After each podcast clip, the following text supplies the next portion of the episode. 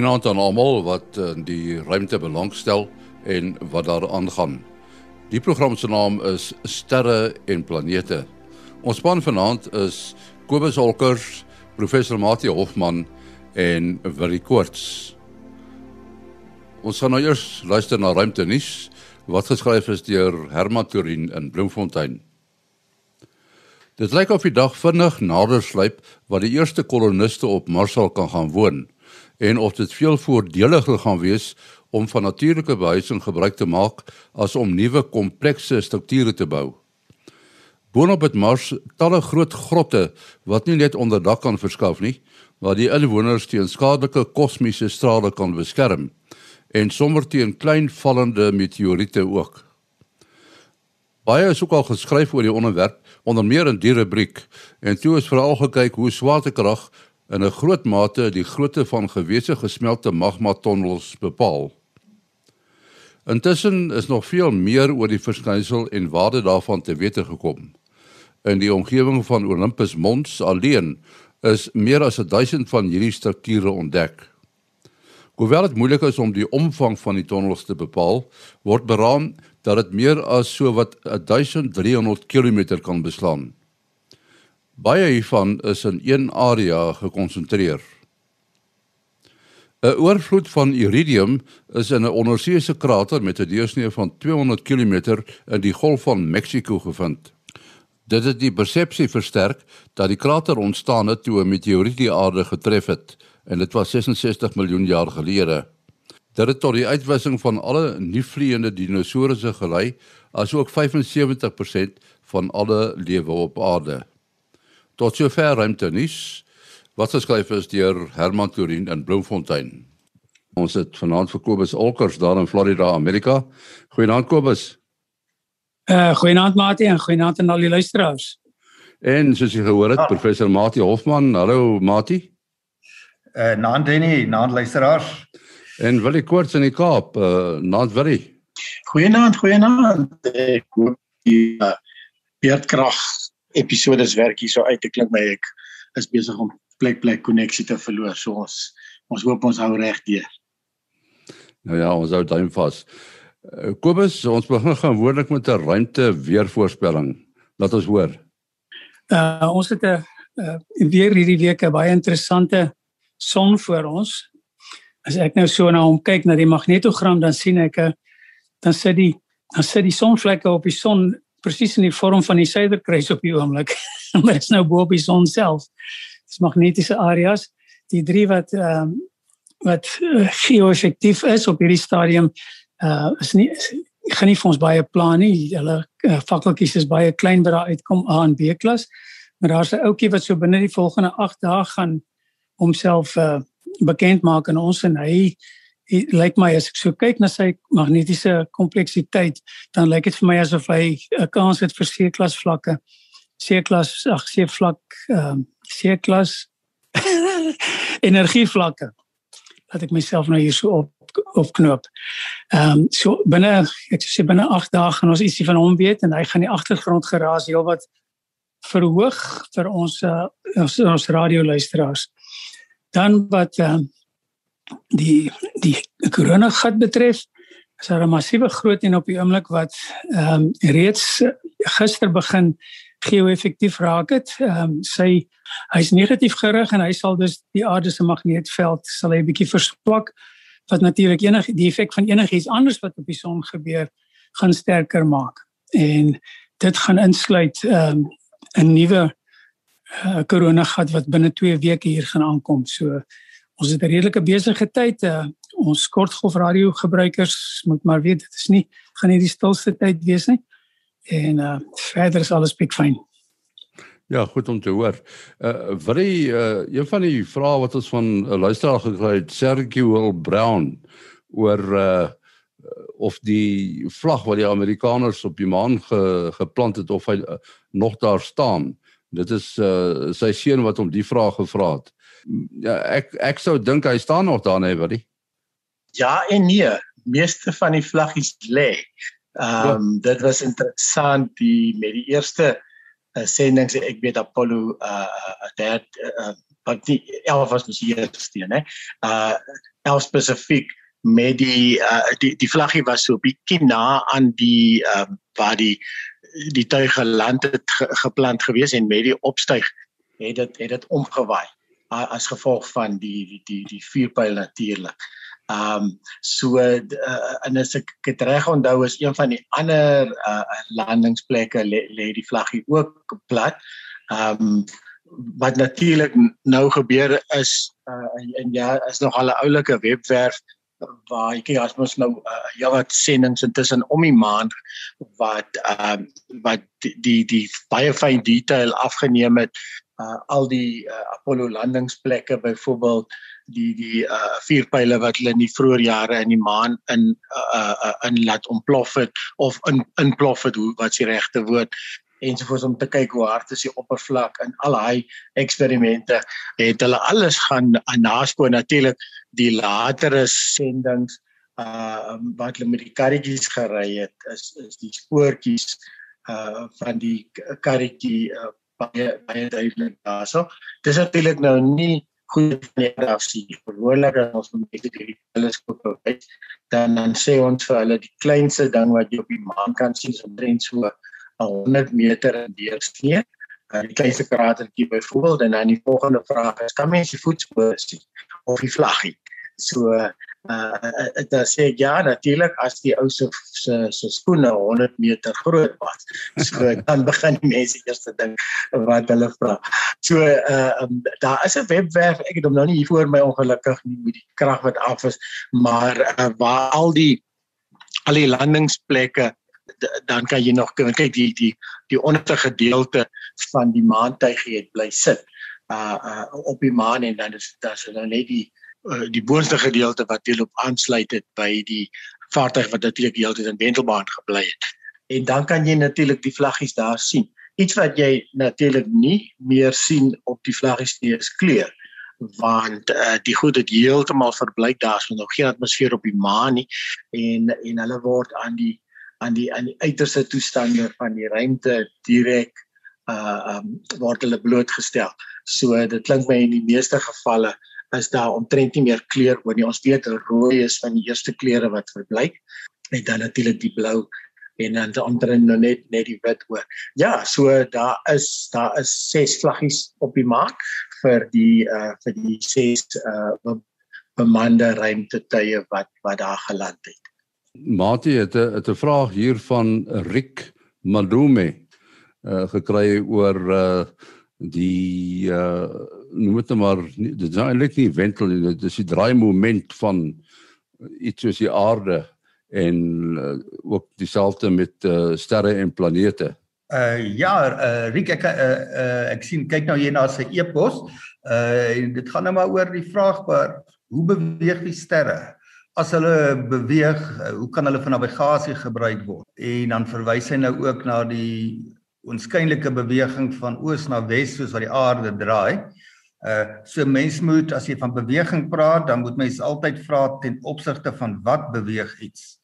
Uh so daar's nie 'n voorwerp in die sterrestelsel of enige plek in die heelal wat jy kan sê dit beweeg nie. Dit sal beweeg ten opsigte van baie ander voorwerpe. So as ons nou net vir 'n oomblik dink aan ons eie Melkwegsterrestelsel, dit roteer Uh daar in die middel is 'n enorme gravtasiekolk wat nou maar net daar die lokale omgewing gaan domineer. Uh maar die gesamentlike massa van die hele sterrestelsel hou uh dit bymekaar en dan roteer dit wat nou uit die vormingsgeskiedenis kom. Uh so dit doen al die sterre saam. Uh, en dit gee nog nie 'n relatiewe beweging nie. Maar as mens lank genoeg gaan kyk na sterre, hulle afneem uh op fotos of op ander maniere hulle posisies in die sterrehemel uh uh vaspen en op kaarte aandui en jy gaan doen dit weer na 'n paar jaar of lank genoeg tyd dit af verskil van ster tot ster dan sal jy sien hulle beweeg tog relatief tot mekaar. Nou die Engelse term daarvoor is die proper motion. Uh en dan moet ons nou onderskei tussen moontlike beweging verder of nader aan ons wat ons nie sal optel nie of lateraal of uh wat ons kan optel bewyse van die verandering van die posisie van die sterre ten opsigte van mekaar. Uh so sterre beweeg wel, maar omdat en dit hulle beweeg vinnig, maar omdat hulle so geweldig ver van ons af is, sal ons nie dit sommer sien behalwe met fyn meetinstrumente nie. Ehm um, mens kan nou maar net aan 'n voorbeeld dink van 'n uh, uh, groot vliegtuig wat ons weet ongeveer 1000 km per uur vlieg as hulle daar op 'n 10 km hoogte is. Maar op daardie hoogte lyk dit nie of hulle so vinnig beweeg nie. Maar as hy hier by jou verby sou vlieg, dan kan jy nou dink hoe vinnig sou 1000 km per uur uh lyk by ver, met vergelyking van 'n motor wat teen 'n tiende daarvan 100 km per uur by jou verbysnel. Dit lyk al klaar uh klaar vinnig. Nou hierdie beweging van die uh sterre in ons Melkweg relatief tot mekaar uh is baie akkuraat of eintlik word baie akkuraat steeds uh bestudeer met behulp van die Gaia uh ruimte teleskoop of ruimte sterrewag wat reeds in 2013 gelanseer uh gelanseer is. En die uh sterrewag ruimte sterrewag gaan tot in ten minste 2022 metings doen van die posisies en die verandering van die posisies waaruit jy natuurlik die snelhede kan aflei uh van ongeveer 1 biljoen voorwerpe in die uh in die Melkweg. En dit is 'n geweldige getal, maar dit is maar omtrent 1% van die uh sterre in ons uh sterrestelsel. En in die eerste 5 jaar, uh dit is nou tot 2018, het dit reeds 70 metings van elkeen van daardie voorwerpe wat dit dan nou monitor uh geneem en hulle kon 'n baie aanskoulike en insiggewende video saamstel van die beweging van hierdie sterre uh ek bedoel jy kan jy nou as jy 'n tabel met 1 biljoen inskrywings maak, gaan jy nie veel ins uh insig daaroor kry nie. Maar as jy nou 'n video maak en dit vir jou voorstel terwyl jy daarna kan kyk, dan kan jy begin uh sien wat gaan in hierdie stelsel aan en jou stelsel baie uh die stelsel baie beter uh verstaan. En 'n mens kan gaan soek op uh op YouTube na 'n video van die beweging van 1 miljoen van hierdie sterre. Dit is nou maar nog 1000ste van wat gemeet is uh wat dan geanimeer word en die animasie gebaseer op werklike data. Uh en dit gee baie baie belangrike insig oor die geskiedenis van ons uh sterrestelsel. Jy kan gaan terug ekstrapoleer hoe het dit lank terug gelyk en hoe gaan dit ver in die toekoms lyk. Uh so dis ongelooflike werk wat daar uh, met daardie uh, uh bepaalde projek gedoen word. Nog 'n luisteraarsvraag, dit kom van Rolof Besaid nou daar uit Steytlerwil. En hy wil weet of ons al ooit van die Milankovic effek gehoor het. Kobus? Ja, uh goeienaand Rolof, dit is 'n baie baie interessante vraag daai. Ek ken hierdie kerel al vir 'n hele paar dekades. Uh wel ek ken hom nie persoonlik nie want hy het in 1920 gelewe van daai koers. Hy het gaan sit en gekyk na die beweging van die son van die van die aarde rondom die son en hoe elkeen op sy op sy eie manier beweeg die aarde dit mos nou die die ehm um, die presisie dink ek noem hulle dit uh waar sy waar hy so 'n bietjie soos 'n tol uh wobbel om 'n om 'n as uh oor 'n baie lang tydperk uh, hier in die orde van 21000 jaar of so iets. Wil jy julle moet my maar reg help met daai syfers ek kan ken dit nie uit my kop uit nie ehm um, die son self 'n bietjie van 'n van 'n prosesie en dan die aarde se se se se wentelbaan rondom die son varieer ook onder onder die invloed van ehm um, van die twee groot gasplanete wat hom so 'n bietjie trek. Ons is nou op die stadium in die in die in die fase van die van daardie beweging waar die ehm um, die wentelbaan van die aarde rondom die son is is as hard op pad nou om amper rond te wees. Met ander woorde, hy het nou sy eksentrisiteit effe verloor en en dan oor 'n baie lang tydperk gaan dit nou weer gaan die eksentrisiteit met dan oor die die die vorm van die ellips gaan dan al hoe platter en platter raak. Nou die kerel het al hierdie goed bymekaar gaan sit en hy het en hy het gaan uitreken hy het nou die die met ander woorde die die ehm die afstand van die son tussen die son en die aarde het hy het hy baie akkuraat voorspel oor duisende jare en dan terug ook oor duisende jare en selfs miljoene jare want hierdie bewegings is redelik vas. En wat ons daar uit gekry het was 'n baie interessante ding en dit is dat Ehm uh, as jy nou sy analise gaan gaan loop op jou rekenaar, uh sy sy vergelykings, dan dan sien jy 'n baie baie sterk ooreenkoms tussen waar hy nou die son se uh wat hulle noem die insolasie ehm um, en en dit gaan oor sol insolasie met ander woorde die hoeveelheid energie wat van die son af op die aarde inkom op enige oomblik kan jy dan nou daai bereken. En dan sit jy nou met 'n met 'n ding en jy as jy dan nou teruggaan en kyk na hierdie yskerns wat hulle geneem het in die Arktik in die Arktiese uh ys en in die Antarktiese ys en ook uh ondersee se uh, diep kerns wat hulle geneem het, dan sien jy dat hierdie ehm um, voorspelling van hom of of of model van hom is is is baie nou uh gekorreleer met uh met die werklike goed wat in die verlede gebeur het. So ons kan nogal redelik baie na ons kan nogal sy sy dinge redelik goed gebruik. En tussen hakies ek het van sy goed in in die in die ou dae gebruik toe ek uh begin werk het aan hierdie klimaatsverandering goed. Ehm um, nou ja, so dit dit is 'n dit is 'n baie geldige ding en ek sien uiteindelik het die sogenaamde klimaatswetenskaplikes dit ook nou begin aanneem. Uh, en want dit het 'n baie groot uitwerking as jy na sy sy ding kyk, dan lyk dit asof die son se se irradiasie, die die bestraling van die son af, die die insolasie van die van die son na die aarde toe is nog besig om effens af te gaan.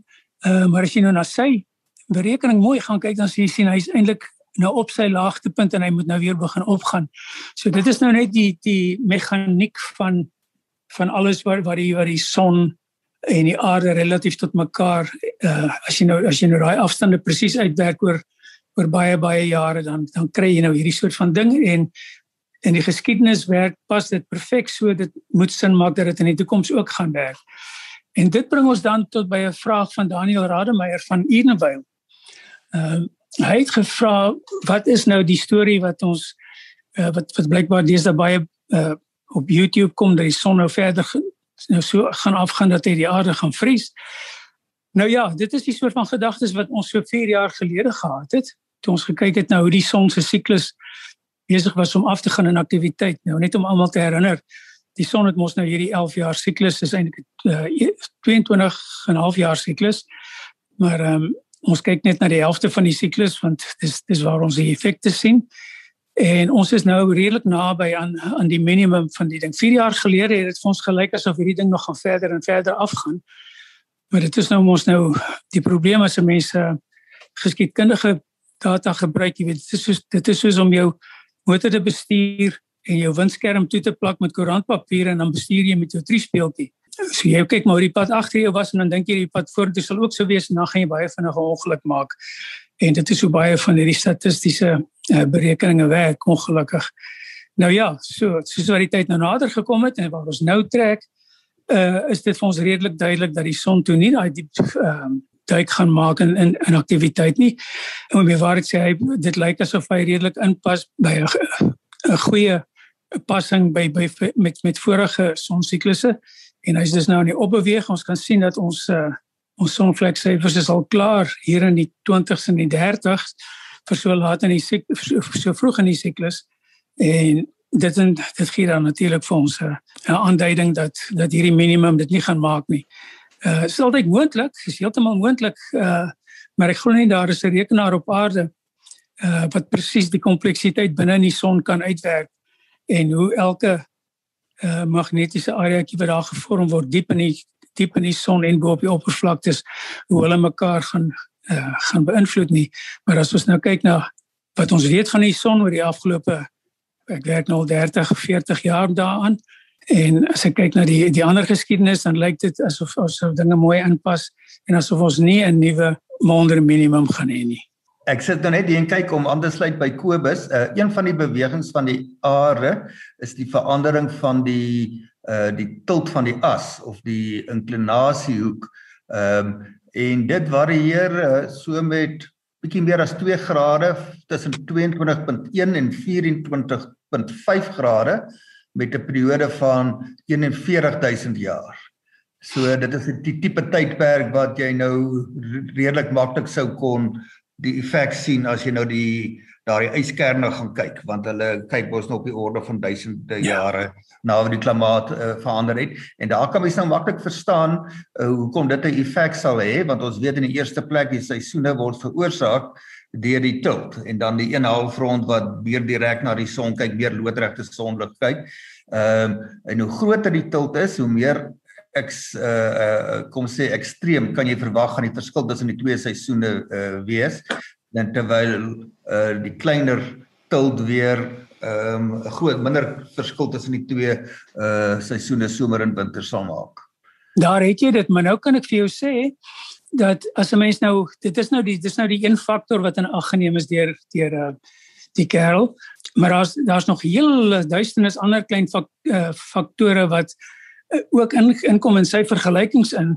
En daar's byvoorbeeld een ding wat baie vir my baie interessant was. En dit is dat wat sy vir voorspel wat sy wat sy uh, wat sy model voorspel en wat in die wel in die verlede gebeur het. En dit was dat dit verskriklik warm was presies oor Suider-Afrika en as ek nou kyk na die na die area dan is dit alipad tot soms sê bokant Angola sou ek sê. Alipad van Kaapstad af. En dit was baie warmer as normaal van 1884 af tot omtrent uh, vroeg vroeg in die 1900s en dit pas nogal in by by die metings wat reeds geneem is in die ou dae. So dit lyk vir my asof die manne baie goeie 'n baie goeie uitpunt daar beter net om net te kyk na die na die uh, beweging van die son en die en die aarde en die maan. Wil jy ek wil vir jou 'n vraag vra net so kortliks. Uh ek dink ons het so 'n paar sondae gelede, ter ons dalk verlede Sondag het jy gesê dat uh julle instrumentasie op Sutherland uh die uh kan die stygings dit is nou die invloed van die maan, gravitasie, sy invloed op die aarde, kan 'n stygings in die aardoppervlak tot soveel as 40 cm opwaarts aandui. Nou sê hy, jy weet hy het nou al ge, gehoor en dalk ook gesien dat klippe groei om dit nou so uit te druk.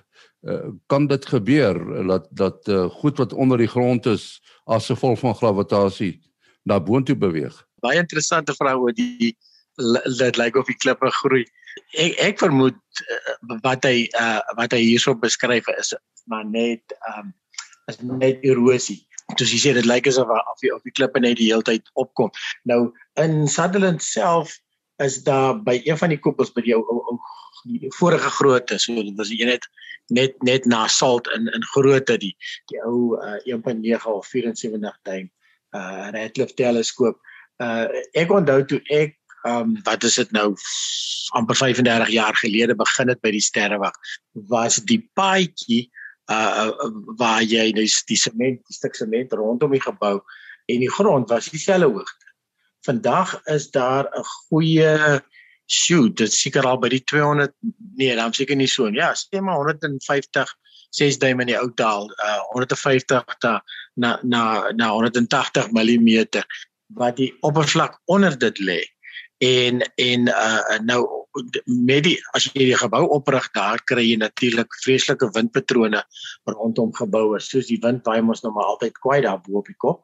Dit lyk gewoonlik nie eintlik of daar stof in die lug is nie maar mense besef nie eintlik hoe die hoe die hoe die grond gaande weg uitgewaai word nie. En en eintlik wat gebeur dan is die die oppervlak klippies hulle sak net af die klippe self kan nie wegwaai nie. So die grond tussen die klippies waai weg en en die en die klippies begin te begin te afsak. So vandag lyk dit asof dit dieselfde ou grys wat wat 20, 30 jaar terug daar was. Uh en in die meeste gevalle is dit seker die grond het fisies uitgewaai onder die onder die klippe en natuurlik uh winderosie is die een ding en en watererosie is die ander ding. Want hy praat ook hier van waterpype wat lyk asof hulle asof hulle sementpype wat lyk asof hulle bo kan die grond begin uitkom en en uh, so ek dink dit is maar eintlik net te doen met met erosie want uh, die die invloed van die maan en die, en die son op die aardoppervlak wat alles optrek soos wat ons daar gesê het uh, alles gebeur gelyk gelyktydig. So daar's nie 'n uh, verkieslik dat die klippe meer getrek word as as die grond byvoorbeeld nie. So so en en die die die beweging beweeg, beweeg natuurlik oor 'n massiewe oppervlak. Ek bedoel dit is soos die uh, uh, seker die helfte van die van die aarde wat uitbult uh so jy gaan nie jy gaan nie iets uh spesifiek soos klippe of so gaan jy uittrek nie. So ek dink dit is maar net hier roos. Ja, baie interessante vraag. Ons sluit af. Kobus jou besonderhede? Uh kobusolkers by gmail.com k o b u s o l c k e r s by gmail.com. Mati? Uh, selfoonnommer 083 625 7154. 083 625 7154. En dan wil jy 072 4579 208